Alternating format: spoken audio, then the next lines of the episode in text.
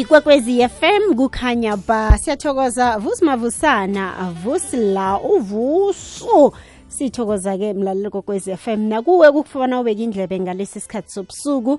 Nawe usanda ukuwuvulela njenganje umhatsho lo awukachaphi bala ikwekwezi FM kukhanya ba. Siyakwamukela siyakulotshisa ibizo lami ngithokozani induli. uTK unamgwezane. Sisoke-ke njekanje mlaleli bekubethe isimbi yechumi sikwethulela amahlelo wethu wezefundo eza ngephiko le-sabc education enriching minds enriching lives. Kanti-ke mlaleli kokwezi FM sirakela phambili nesiqephu sethu sesibili esivela lapha-ke kwa-gepf government employee pension fund.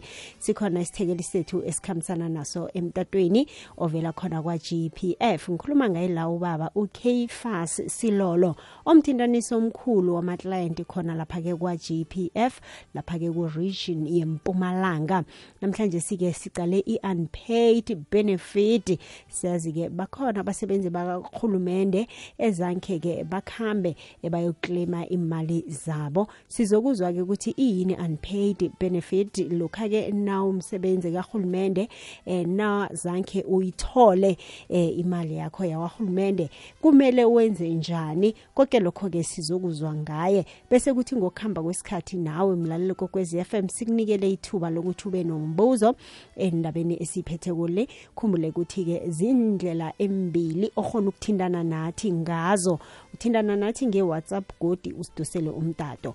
Nasi inomboro-ke ye-whatsapp ithi 079 413 2172 kuthi-ke lapha emtatweni usidosela kinasi inomboro ethi 086 112 0459 baba usilolo ngiyakwamukela godu ngiyakuloshisa emhashweni kwekwezi FM Eh ngithokoze 60k ngilotshise kuwe phinde futhi ngilotshise nabo umlaleli ekokwezini FM.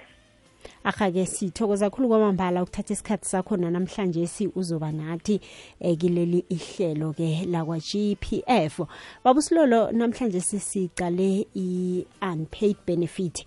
Eh kusihlathululele ingabe mhlambe i-pension fund act iwahlathulula njani ama benefits angakaklenywa? Yebo CTK uh masikhuluma nge-unemployment benefit sikhuluma ngeimali le-CTK lezifanele ukuthi ziphume ziye kuma-beneficiaries la ngasho ngithi akhona. Eh nyalo ke amele ngitsho ngithi isikhathini samanje-ke CTK le imali sihleli ngalanga ka-GEPF la ukuthi nathi singi-GEPF siyazama kakhulu futhi ukuthi sithole banikazi bakhona ukuvela ngala ema-ofisini ethu sister k babuye bakleyime le imali njenganje sister k singatsho ngithi le mali isahleli ne-g e p f so lokho kudingakala kakhulu ukuthi bavele labantu lavele kungabo vele ba-entitled for le imali Mhm. Manje baba usilolo ngimaphi amaphuzu enza bona ke kube nenchijilo ekubhadelweni kwama benefits la. Intshintshile ekhulu sister k njengoba umuntu ahlatheke ngale kahulumende sister k asabereka emberegweni wakhe. Siyatsho kakhulu sithi bantu kumele bagcwalise le leli form silibiza ngokuthi i-nomination form sister k. Njenganje sinje siba nale challenge vele ukuthi bani labaningi vele masesikhuluma ngaleli form nje. Abangakaligcwalisi sister manje-ke umuntu makasahlongakala asabereka ngale eh, kwa kwahulumende bese kutholakala ukuthi ku- bakhona la bakhona kuya nge- nge- ngemininingwane esiyithola kwa-home affairs bantwana bakhona kuya ngale mininingwane ka-home affairs. Kepha-ke asinawo mhlawumbe i- i- indlela lokuthi mhlawumbe sibe nama-address nama-phone numbers abo sesithike sikhona ukuthintana nabo sibatshele ukuthi babuye bazoclaima le mali. So njenganje sile mali iphinde seyihlala ngala nga-g e p f sesike so lokho kusho ukuthi kubaluleke kakhulu ukuthi umuntu masakabereka agcwalise le nomination form khonakale ukuthi siyazi ukuthi bobani labakhona bobani ma-beneficiaries futhi sesike Mhm. Ithini ke i-ratio yemali eh khe ngithi yemali eziklenyiweko kanye nalezo ezingakaklenywa. Eh, sesike mangakhuluma eh ngikhumbula ngasesikhathini ngasemva ngiqalile le unclaimed benefit. Ngatsho ngithi ngala ngasempumalanga kuphela 60k bekuhamba somewhere lapho kuma 40 million imali engakaclaimwa Yo. CCK so ngiyabona ungakhona ukubona ukuthi imali leningi lehleli ngala. And kutholakala ukuthi bakhona. yes. Mm. Sitholakala ukuthi bakhona labantu bakhona ngala emakhaya bayahlupheka but imali ihleli ngalanga kule fund yethu manje baba Yes. usilolo yenzani ke i-GPF ukuqinisekisa ukuthi iyazibandakanya kumalunga wa sithi-ke lesizama kakhulu njenge-GEPF ngatsho ngithi eh sinawo lamabizo alabantu la kumele Mm. mhlawumbe a- a- a- umuntu a-check ukuthi i- i- i- ibizo leli ngavela ngala ku-GEPF lo mzali lobekabereka e-GEPF angalibona na Mm. yes khona kulibona sifakile lamabizo lapha kule mhlawumbe ngatsho ngithi internet yethu la muntu ukuthi angavakatshela le internet akhona ukubona lamabizo la akhona nje. Mm. eh siphinde futhi njengoba sitike sikhuluma namhlanje emhathweni ukuthi bantu balalele bantu if bakhona la bakhona cabanga ukuthi mhlambe nami umbelethi wami bekasebenza ka-GPF awuthi ngishayela ka-GPF ngibuze ukuthi mhlambe igama lakhe aliveli naye ibizo leli aliveli la ngaka-GPF sikhona ukuncedisana nala bantu sesitike iyazwakala manje-ke eh kuba ngiziphi inzathu amalunga abanazo ezenza bona-ke bangayiclaim imali sisike ngasiqale la kakhulu sithi yabona iy'nkolo thina singabantu ziyahlupha khulu mm. njengoba nje thina sikhamba senza ama-presentation sifundisa ngale imali into lesiyikhulumisa kakhulu sisike ngiyo le kugcwalisa i-nomination form Mm. kepha-ke uthola ukuthi bantu bangakithi akutshele kuhle ukuthi hhayi mina angiboni ukuthi ngingagcwalisa i-nomination form ngiyabelana ngey'mali zami ngisaphila. Hey ngizosifakela amabhadi uthola ukuthi kukhuluma iy'nkulumo ezifana le-sixty k. So kuyenzeka ukuthi vele sibe ney'ntshitshulo ezifana nalezo ukuthi labantu la sibafundisayo ukuthi gcwalisani ama-nomination form siyazi ukuthi ngibobani labakhona ngasekhaya la kumele bahlomule kule mali sixty k. So kuyasihlupha kakhulu ngoba nje sinje ma utshinga ngala kule department ubuza ukuthi umuntu lo beya eh hlala kuphi? Ngiyathola ukuthi lo muntu mhlawumbe bekakhona ngala empumalanga abereka ngala empumalanga. Mm. but ma sowubuza kuhle uthola ukuthi hayi lo muntu bekathinga ngala e-KZN noma e-Gauteng noma eLimpopo. So nguko lokuhlupha kakhulu ngoba makasangekho la empumalanga lo muntu lo ngi- ngimazi ukuthi beka la empumalanga. Ukuthi ma- uhlale noma uphume eLimpopo anikhona ukuthola labantu laba ahlobane nabo ngale eLimpopo ngoba nina nimazi nje kuphela ngoba njengemuntu bekabereka la empumalanga. Mhm. ukhulumisa indaba ye-nomination form kanti iyini i-wp 1002 form yes EW1 EWP 1002 iye ngiyo i-nomination form of beneficiaries mm. Mm. ngiyo lesifuna ukuthi bantu umuntu makasasebenza Mm. asenemberegweni ayigcwalise leli form 60k njengoba singazi ukuthi mhlawumbe kusasa umuntu angavuka asaphila noma kanjani ngiloko sithi ma ugcwalisile leli nomination form Mm. lethu 60k ngilo lizositshela kuhle ukuthi wena njengoba ungenzeka ukuthi sowundlulile emhlabeni Mm. ngibobani lekumele sithintane nabo ngibobani lekumele siba- siba- sibatshele ukuthi ikhona imali ngaka-GPF babuye bazogcwalisa la mafomu Mhm. so i-nomination form icakatheke khulu sister iyazwakala. Manje ngiliphi ilwazi amalunga angalindela eh, ngaphakathi kwayo i-nomination form le? Ilula kakhulu i- i- i-nomination form wena sister k ngoba leke nje ekufunayo ngiba- ma- ma- mabizo alama-beneficiaries akho ma-ID abo Mm. mhlawumbe nokuthi na-cell number uyifake ne-i d yalo muntu sister so kulula kakhulu akusilifomu lelihluphayo nje. Ma ulitholile leli fomu ugcwalisa nje lilula ngoba likubuza vele information le sicabanga ukuthi unayo. Mm, mm. yabona lokho yebo awa iyazwakala. Manje balithola phi-ke iforomeli leli forum sisike uyalithola la ucatheke ngakhona kule department ongakhona mhlawumbe ungacela noma kuyiphi i-government department le useduze nayo uyabacela ukuthi bengibawa nje leli form le-w p one zero zero two uligcwalise noma ungathinga ngala ku-website yethu singi-g p f ulithole lapha uliprinte uphinde uligcwalise online. Lokuhle khulu futhi sisitike njengoba singi-g p f sesi-introduce le nto esingayibiza ukuthi i-self service la ungakhona khona ukuthi ufake lento esibiza ngokuthi i-app noma i-application yaka-GEPF mawusenayo le application uregistarile kule application sisike akusadingeki futhi ukuthi ungaligcwalisa leli form ngoba khona kulapha kule cellphone yakho kule app yaka GP ungakhona ufaka ama-beneficiaries akho sisike abe updated abonakali nangangithi kwi-system yethu. Iyazwakala. Njenge imizuzu ilithumi nethobako ngaphambi bona kubethe isimbi yechumi mlaleli nosanda uvulela umrhatsho siyakwamukela siyakulotshisa ngaphakathi kwehlelo lezefundo. Lanamhlanje sisilibiza i-civic education njengoba nakungelesine nje. Kaze-ke sikhambisana-ke nabakwa-gepf government employee pension fund sithekeli sethu engikhambisana naso emtatweni nguye la ubaba ukfas silolo. Kanti-ke namhlanje simlaleli sicale lapha-ke i-unclaim benefit eh, bona iyini eh, sikhuthaza nawe eh, kwekwezi FM nange ulilunga nanyana ukhe waba lilunga eh, le-GPF yenza isiqinisekiso sokuthi-ke uyozihlola eh, nanyana-ke uyadosa umtato sizoshiya inomboro zomtato ukuhlola eh, ukuthi wena ujame njani nazange kho uziclaime imali zakho zakwa-GPF sizokunikela ithuba-ke nawe mlaleli njenganje usidosela umtato ku-079 413 khumbulene whatsapp ungayisebenzisa ugadangise iphiwo lakho. Inomboro eh, ye-whatsapp ithi 079 413 yomtato ithi 086 1120459 nakanjani nayithumi nahlanu imzuzu ngaphambi bona kubethe isimbi yechumi. Kula ngiza kuthoma khona mlaleli ngidobhe umtato ovela kuwe. Asiragele phambili-ke babusilolo sicaleke ukuthi-ke nangabe-ke eh imali le akekho umuntu owenza isibayo isibawo sayo eh mhlambe ke kwenzakalani? Iyapi imali le? Sisike le mali ayindawo. Le mali iyoqhubeka ihlale ne-GPF singifund. Eh kuzokwenzeka ukuthi simthole mhlawumbe lo munye losobane naye 60k lo muntu lo mhlawumbe bekakuwile contributor kule fund yethu.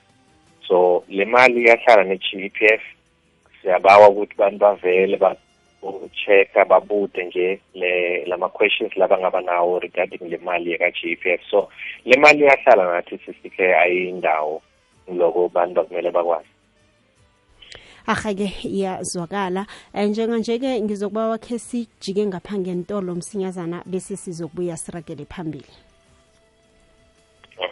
Ahake ukufaka isibawo senzuzo yomhlalaphasi nanyana wazi umuntu ongakafaki ongazange athole imali yakhe begodu ofuna isizo ngekambiso yokwenza isibawo.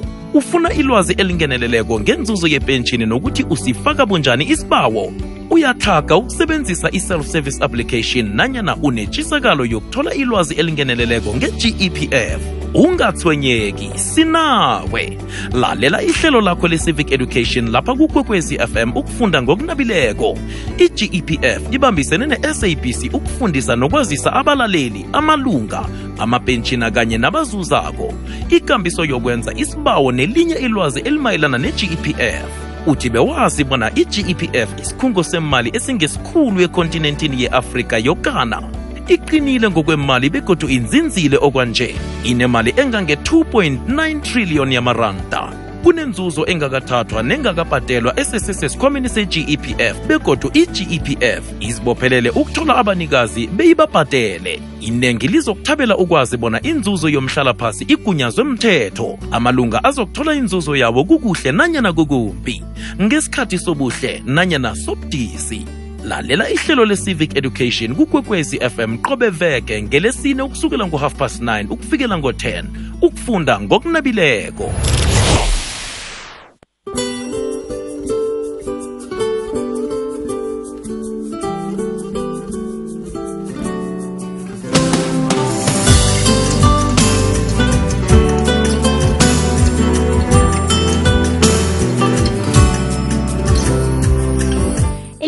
nahlanu imizuzu ngaphambi bona kubethe isimbi yechumi usalalela umhasho ikwekwezi fm kukhanya ba. Sirakela phambili-ke nehlelo lethu nawusanda uvulela umhatsho siyakwamukela siyakulotshisa baba usilolo ngithokoze khulu kwamambala ukusibambela.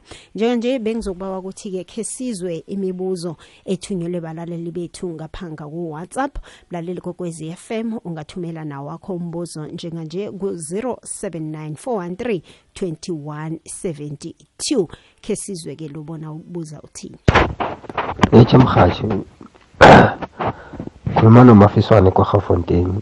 Eh mhashi bengicela ukubuza ngenye so imali. Kwenzeka ukuthi sakhuliswa sakhulela sikhuliswa ngomunye ubaba kade athethe umamkhulu wami. So ubaba lo banomamkhulu azange babe nabantwana. Sikoba nemali e- eziphumako zakamamkhulu but bathi khona zabantwana eziseleko. So angazi ukuthi kuyenzeka ukuthi khona or njani. Cause mawuya le e- e-masters abakuqaqiseli ukuthi kwenzakalani. Ubaba mangabe kuyakhonakala ngoba ukuthi angitshela amanamba akhe azokhona ukungichekela ngizomupha ama-details walabantu laba bashona ngiyathokoza. Ahake siyathokoza. Baba silolo? Yebo sesikhe eh ngi- ngizwa lapho umlaleli ubuza kakhulu ngemali ngathi ngala kwa-master of high court mm. ukuthi ngathi zisekhona eh singi-GPS sike mase sinikeza ah, mhlambe ama-beneficiaries la khona imali especially la ukuthi bantwana sesibancane khulu. So iyathinga ngala ukuthi ku-master of high court. So le mali vele eh makuthi vele yathingakala ku-master of high court bona kumele babuyele ngala ku-master of high court ah bayo-check-a ukuthi le mali mhlawumbe sesekhona noma kwenzekalani eh if i-master high court ibanikeza le nkinga efana ukuthi mhlawumbe bafuna lama-proof Mm. of payment eh bangasithinda sisitike noma bazivakatshele emahhovisini ethu zobathumelela ama-proof of payment bayasebenzisa wona eh bokuyo-check-a ngale kwa-master high court ukuthi le mali sesekhona noma zakuhamba ziphela na. Iyazwakala. Khe sidobha omunye osemtatweni kwekwezi siyakwamukela yeche awale njani ma siyavuka kunjani baba? Thokoza ukhuluma nosteven motsipe iye sithokoze baba mtsipe iye mina ngathola i-s m s ngahlongela mbango then le-s m s enye bangifunela yona la ngithole ithi unclaimed funds last will was detected on your name contact me with your full names for more details. So ibuya kuphi Ngavela- i-sms le? Eh bangifunele i-email so ma-email I-email le. ithi ramsey nge-email so ma ngathi i-scam nofana yini so okay. Ayivezi ukuthi ibuya kuphi ayivezi iye. Usebe usebenza usebenzela uhulumende Oh, usebenzela uhulumende na onanyana kho asebenza ngaphasi kwahulumende eh like ubaba wami lowalala khe asebenza kwahulumende wo okay. Baba usilolo unombuzo kuyimna kwethu eh angenawo umbuzo sisitike ma lokungakutsho ukuthi eh nami ngasho ngithi kunama-sms lamaningi nyana lengiwatholile ukuthi ngi-unclaim benefit ngiyazi ukuthi vele ukuthi ayikho le unclaim benefit bakhuluma ngayo. Okay Kepha-ke mna kwethu sisitike- ncancabe baba usilolo akalaleli emhatshweni mna kwethu. Beka indlebe emhatshweni mfo. Okay. Aha. Yebo. Mm. Yebo eh, yebo sisitike thina esikhathini esiningi vele eh, siya ma-sms nawo siyabisa uh, kepha-ke siyathintana nasemtatweni Mm. masine email yakho singokuzokuthumelela i-email yakho kepha-ke sisitike thina siki-g e p f masikuthumelela le-sms noma siku- sikufonela emkhatshweni emtatweni Mm. lokhu kuzokutsha kuhle sisitike sizokubawa ukuthi wena vakatshela amahhovisi e-g e p f noba sikunikele inamba yethu la ungasithindra khona lokumele abantu baqaphele khulu sisitike ukuthi angeke sikunikele inamba ye-sms mhlawumbe ye-cellphone. Mm mm. Ukuthi thinda nayi cellphone thitho sibani bani? Sizokutshela ukuthi thinda nama-office e-GEPF inamba ka-GEPF lethi zero eight hundred one one seven six six nine. Kepha-ke ma soyitholile SMS i- i- i- isho ukuthi wena kumele uthinte inamba ye-cellphone. Ucaphele khulu ngoba kungenzeka kungasi i-GEPF yazwakala 0861120489 inomboro yethu ke e59 inomboro yethu yomtato leyo 0861120459 akhe sibuyele ngaphanga ku WhatsApp godi sizwe imibuzo yabalaleli bethu. Ah. Mlaleli wethu ncinca bezekhulu uzwakalela phasi bengizokubawa ukuthi ubuye ugadangise godu lotsha mhatshe ukhuluma nosteven motsipe bengiba ukubuza ukubanyana ukuthi ningathola umeseji Oh lekhe sayizwa nokho iyazibuyelela akhe sizwe nasigodu TK kunjani? khona Ukhuluma nomakhubo la eDenalton osebenza ePhiladelphia Hospital. Uh, my question is one? Ngifuna ukwazi ukuthi le mali le mabayenza as eh they introduce ukuthi fanele sikhona ukuthola lesibawo esisasebenza sithole le mali. So but angizwa kuqhazeka ngaloko ngicela nje i-clarification ukuthi soyithola kanjani? Iyakhona ukutholakala or ayitholakali uma ngabe sisasebenza? Ngifuna ukubuza lokho. Alright uzwakele umbuzo wakhe. Baba usilolo bengiba utlole phasi khe sizomunye godi sizayiphendula ngokulandelana kwayo. Ahake khe sizwe nangogodu lotsha mhashi um ngutimothy mahlangu ukhuluma ngapha ngedelmas mina bengifuna ukwazi ukuthi um i-g p f le ibhadala abantu be-government wona abantu ababerega ngemayini na? Alright uzwakele umbuzo wakho. Siyathokoza singabaphendula baba usilolo? Yebo sesike siqale ngalo mbuzo wesibili weyimayini si-GEPF njengoba igama lisho ukuthi GEPF i-GEPF imele ukuthi government employees pension fund. Ikhuluma kuphela nababereki lababeregela uhulumende sesike iyimayini azingeni ngalawa ku-GEPF eh lo mbuzo wokuqala sisike ngiyacabanga ukuthi nale veke eh, endluleko siwukhulumisile ukuthi isingi-GEPF manje uh, i-GEPF umthetho lokuthi bantu bangakhona kubolekisana imali ngaka-GEPF ufeyilile lokutsho ukuthi i-GEPF ayikakavumi ukuthi bantu bangakhona uk- ukubuya bayokhipha mhlambe ba-withdraw le mali noma mhlawumbe bayiboleke. So lo mthetho ngalanga ku-GEPF awukaphasi. Bantu bahlosi bahlale bazi ukuthi lo mthetho awukaphasi. Ma ukuthi uphasile lo mthetho sizophinda sibathumelele i-information le ezochaza kuhle sisike ukuthi kuhambe wafika kuphi lo mthetho. Ahake iyazwakala njanje likhomba kwaphela imzuzu eseleko ngaphambi bona silisonge ihlelo lethu sibuyele emtatweni. Ikwekwezi siyakwamukela yeche ikwekwezi Yebo. le akwandi akwandi? Kunjani? Siyavuka baba kunjani? Angifuna ukwazi ukuthi ngikhuluma ngeze-president fund or i-s or njani mhlawumbe zizwisisi ngoba eyi siyathatha ngama-u-i-f nawutiyoseba funeka lokhu funeka lokhu senikazi ukuthi ngikhuluma ngezinjani okay baba wena bowufuna ukubuza nge-uif ya nge-u-i-f Okay, singancebeza ke. le nale okay baba ncancabekana ngakunjani? Iye lalela-ke baba nokho namhlanje asikhulumi ngayo-uif kodwana ngiyakuthembisa ngekuhamba kwesikhathi mhlambe ngokuhamba kuya kwamalanga nemveke nenyanga sizaba nalo ngabona ihlelo lakwa-uif njenganje siphethe zakwa- zakwa-g p f. alright stop omunye kodwa siyakwamukela kwekwezi? Sikhona baba. Kunjani? Yaphila sithokoze. Ngicela kulo mbuzo loyo lo kodwa ukubuza baba wezimayini sicela ubaba lo asinikeze izinamba zalaba bezimayini ngoba nathi silenkinga sashonela wazali lapha. Asazi ukuthi asenze ini sithathe ini sihlanze nami ubaba sishiye izinamba zakhe sikhona ukubuza abantu alright angazi-ke ukuthi-ke zangapho ngemayini baba silolo nazo njengoba na uthi awa eh wena ukhulumela abakwa-g p f. Eh baba silolo khe yebo sithi ngala ngeyimayini sithi ke isingi-g p f siyahluleka sithi ke eh angazi ukuthi ngingatsho ngithi mhlambe bathinge khona le kule mayini baba bazali bakakhona and then mhlambe bangathola ukushelebheka ngale.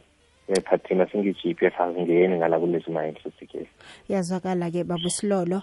Khe sicaleke ukuthi abahlomuli bangenza njani ukuvikela eh mhlambe-ke ukungabhadelwa mhlambe nokuriyada nje kokubhadelwa eh kwemali zabo? Sesihle eh ukuthi mhlambe ungomunye walabantu la sibafunayo ukuthi babonakale bavele ngala ngakithi kuclaima le i-unclaim benefit yabo. Ukuclaima lokhu sisike kulula kakhulu ngoba le sikudingayo kakhulu. Sidinga le form esibiza ngokuthi i-Z894 i-bank form ukuthi umuntu alithole leli form athinge ngasebank bamgcwalisele lona aphinde asifakele i-ID copy yakhe le-certified ah asifakele ne-bank statement bese lama form ayabuya ngala ngakithi. Sisike sikhone ku-processa sibhadale le mali. Iyazwakala. Kanti-ke amalunga alindeleke bona alinde isikhathi esingangani eh bona-ke akwazi ukubhadeleka eh kwa-g p f. Kodwa nangaphambi kuna uphendula umbuzo lowo Babus- babusilolo akhe sijike ngapha kuthi siyabuya. i-GEPF idlala indima eqakathekileko ekuthuthukiseni ihlala kuhle nomnotho ukujukulula transformation agenda of south africa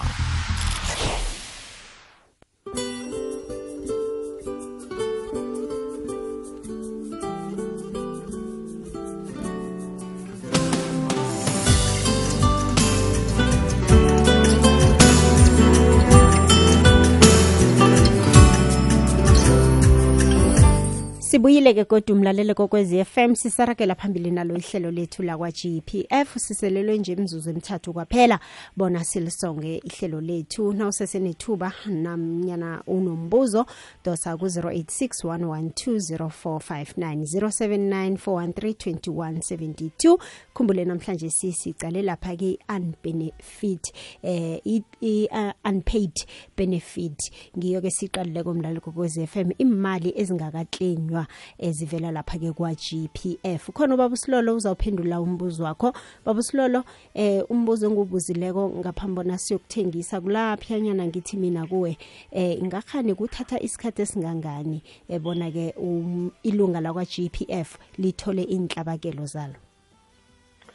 Eh thina siyi-g p f sixty k sithi masitholile lama-document okuclaima leyo mali sixty k. Zotha- sizothatha isikhathi esingango-sixty days. Ukuthi umuntu simbhadele le mali. Eh futhi ke si-g p f sithe ukuthi mase sihlulekile ukuthi mhlawumbe umuntu singambhadala ngalo 60 days eh, eh, kulesikhathi kuyisikhathi lesesibekile sithi ke mase simnikela le mali yakhe lena sifaka nama interest but isikhathi lesi sisibekile singi GPF sithi 60 days mase siyitholile iclaim yakho. Ahake iyazwakala. Sele sizoyisonga-ke babusilolo umlaleli ngiyathemba naye uza kulungisa umsobo nephepha la uzamtshela khona inomboro zomtato la nitholakala khona njenge-g p f. Um ingabe mhlambe-ke babusilolo ninawo amajima njenge-g p f? Eninawo ukuyelelisa amalunga womphakathi? Um mhlambe-ke nge- ngendlela enisebenza ngayo nala angakafaki imbawu zawo? Sithi ke sizama kakhulu ukuthi sikhulume na- na- namalunga e-GPF mhlawumbe futhi nalama beneficiaries la khona. Sithi ke kwenzakala ukuthi siyavakatsha ngala kumqashi kuma-department sifundise siyazama ukuthi eh sithi ke sivele ngala emkhashweni eh sizame futhi ukuthi mhlawumbe nakulama website noma i-internet yethu sithi ke ukuthi sibatshele ukuthi ma-benefit aka-GPF akhambiswa njani. Lokunye lesukuzamayo futhi sisike ukuthi eh sihlale siloku sibonakala si mhlawumbe eh sivakatshele emakhaya sifundise lokunye. But lokuqakatheke kakhulu ukuthi abantu kumele bakwazi sisike umuntu lobereka ka-GEPF makafikile kuwe sisike afuna ku- ukukunceda ukuthi kunemali kumele usiclaim kumele lo kumele ukwazi ukuthi sisike thina sibantu baka-GEPF mase sifikile angeke sikutshele ukuthi kumele kukhiphe imali lethize ukuthi sikhona ukukunceda sesike ngoba thina siyabereka siyaholela ngo-GPF mase sikuncedisa asifuni imali kuwe. So lo muntu ofika kuwo ozofuna imali sesike wazi ukuthi akusuye embereko waka-GEPF iyazwakala. Baba silolo bengibawa usitshele inomboro zomtato la nitholakala khona njenge-g p f yebo abantu bangasithindra sesithe kule nomboro elandelako. Inomboro yethu ngu-zero eight zero zero one one seven six six nine zero eight zero zero one one seven six six nine. Noma basibhalele i-email i-email yethu ithi inquiries at gepf dot gov dot za. Ngiphinde futhi ngithi ithi inquiries at gepf dot gov dot za. Ngula abantu bangasithinda khona ahake baba silolo sithokoze khulu kwamambala ilwazi lokho osabele lona sizahlangana godu esiqephini sethu sesithathu iveke ezako ngelesine. Ngithokoze. Ahake mlaleli kokwezi FM silibeka lapha ke ihlelo lethu lanamhlanje si lakwa GPF siyathemba ke bona ke usizeke khulu kwamambala. Ihlelweli bewulethelwa zimfiselabuhle yi-gepf ipentsheni yabasebenzi bombuso ne-sabc education ngokubambisana nekwekwezi fm